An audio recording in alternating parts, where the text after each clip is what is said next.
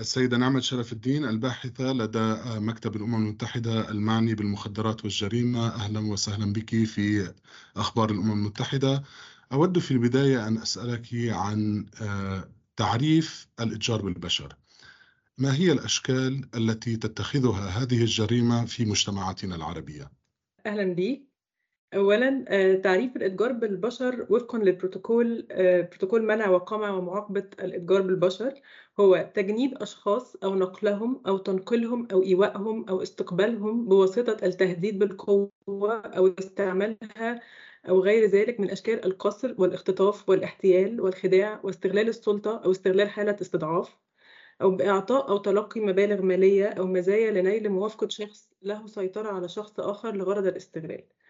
الأشكال اللي بتتم بيها الجريمة دي هي أشكال الاستغلال الجنسي، العمل الجبري، آه، الإتجار بالبشر بغرض نزع الأعضاء، آه، التسول القسري، أي صورة للعمل القسري أو أي صورة للعمل تحت التهديد أو أي صورة للعمل آه، لإنك بتستغل إن شخص في وضع ضعيف وأنت عارف إنك بتستغله كلها صور للإتجار بالبشر. لماذا تراجع عدد الضحايا المحددين في منطقة الشرق الأوسط وشمال أفريقيا بهذا الشكل الهائل كما ورد في التقرير؟ هو في الحقيقة إن التراجع حصل في العالم كله ومن ضمنه طبعا آه، منطقة الشرق الأوسط وشمال أفريقيا التراجع ده حصل بسبب جائحة كورونا بشكل أساسي لأنه طبعا ظروف الإغلاق العالمي وإغلاق الحدود بين الدول القيود اللي الدول نفسها فرضتها جوه الدولة نفسها. طبعا الحاجات دي كلها أولا قللت من آه، سهولة ارتكاب الجرائم دي وصعبت من سهولة اكتشافها. أعتقد كمان بسبب قلة فرص التمويل لدول كتيرة في حتة اكتشاف الجرائم والضحايا. فنقدر نقول إن السبب الأساسي هو القيود اللي فرضت من الدول وإغلاق الحدود وقلة التمويل. من هم الأشخاص الأكثر عرضة للإتجار في المنطقة وما هي أبرز دول المقصد؟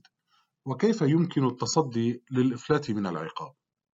الأشخاص الأكثر عرضة هم اللي وجدناه عن نتيجة البحث اللي إحنا عملناه هو إنه في منطقة شمال أفريقيا في دول شمال أفريقيا فالأطفال هم الأكثر عرضة في حين إنه في دول زي دول الخليج البالغين هم الأكثر عرضة بصفة عامة دول المقصد دايما هي الدول الأغنى أو اللي عندها فرص أكتر وعادة بتكون الحركة من الدول الأكثر احتياجا للدول الأغنى.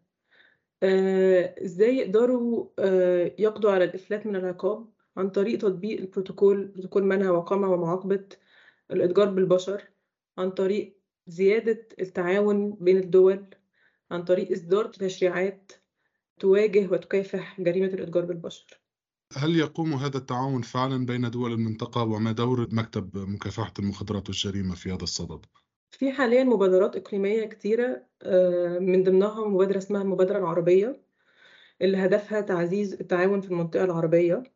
وحاليا مكاتبنا الإقليمية في القاهرة وفي أبو ظبي آه، بيعملوا على تجديد العمل الإقليمي في المنطقة. يغطي التقرير 141 دولة مما يشكل تراجعا عن التقارير السابقة.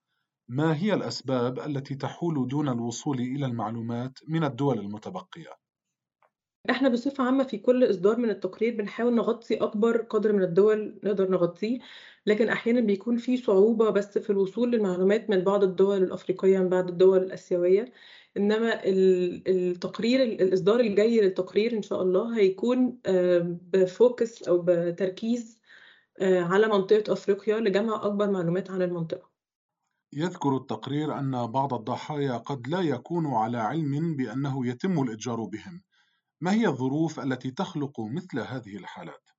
الظروف اللي بتخلق مثل هذه الحالات هي اللي نقدر نقول عليه بالإنجليزي coping mechanisms أو آليات للتعافي النفسي زي الإنكار اللي هو الدينايل زي إنه إنه شخص ما يكونش على وعي كامل بتعريف الإتجار بالبشر أو بصور الإتجار بالبشر فما يكونش حتى مدرك إن اللي بيحصل فيه ده نوع من أنواع الإتجار بالبشر أو إحساس بالذنب لكون شخص مثلا مهاجر غير نظامي فهو حاسس أساسا بالذنب فمش مدرك إن اللي بيحصل فيه ده جريمة برضه. فدي بتكون أحد الأسباب إن الناس ما بتكونش عارفة إن هم ضحايا. في ظل غياب القضاء في الكثير من الأماكن كيف يمكن للأشخاص العاديين أن يساعدوا آه، الضحايا ومواجهة هذه الجريمة؟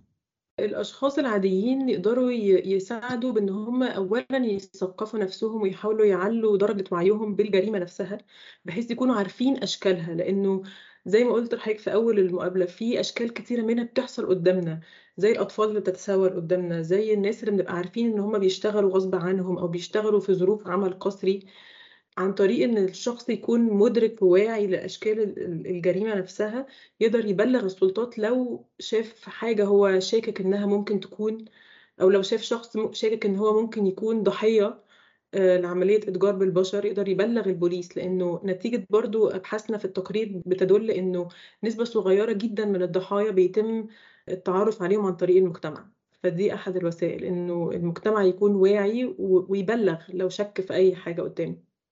السيدة نعمة شرف الدين الباحثة لدى مكتب الأمم المتحدة المعني بالمخدرات والجريمة. شكرا لك على هذا الحوار.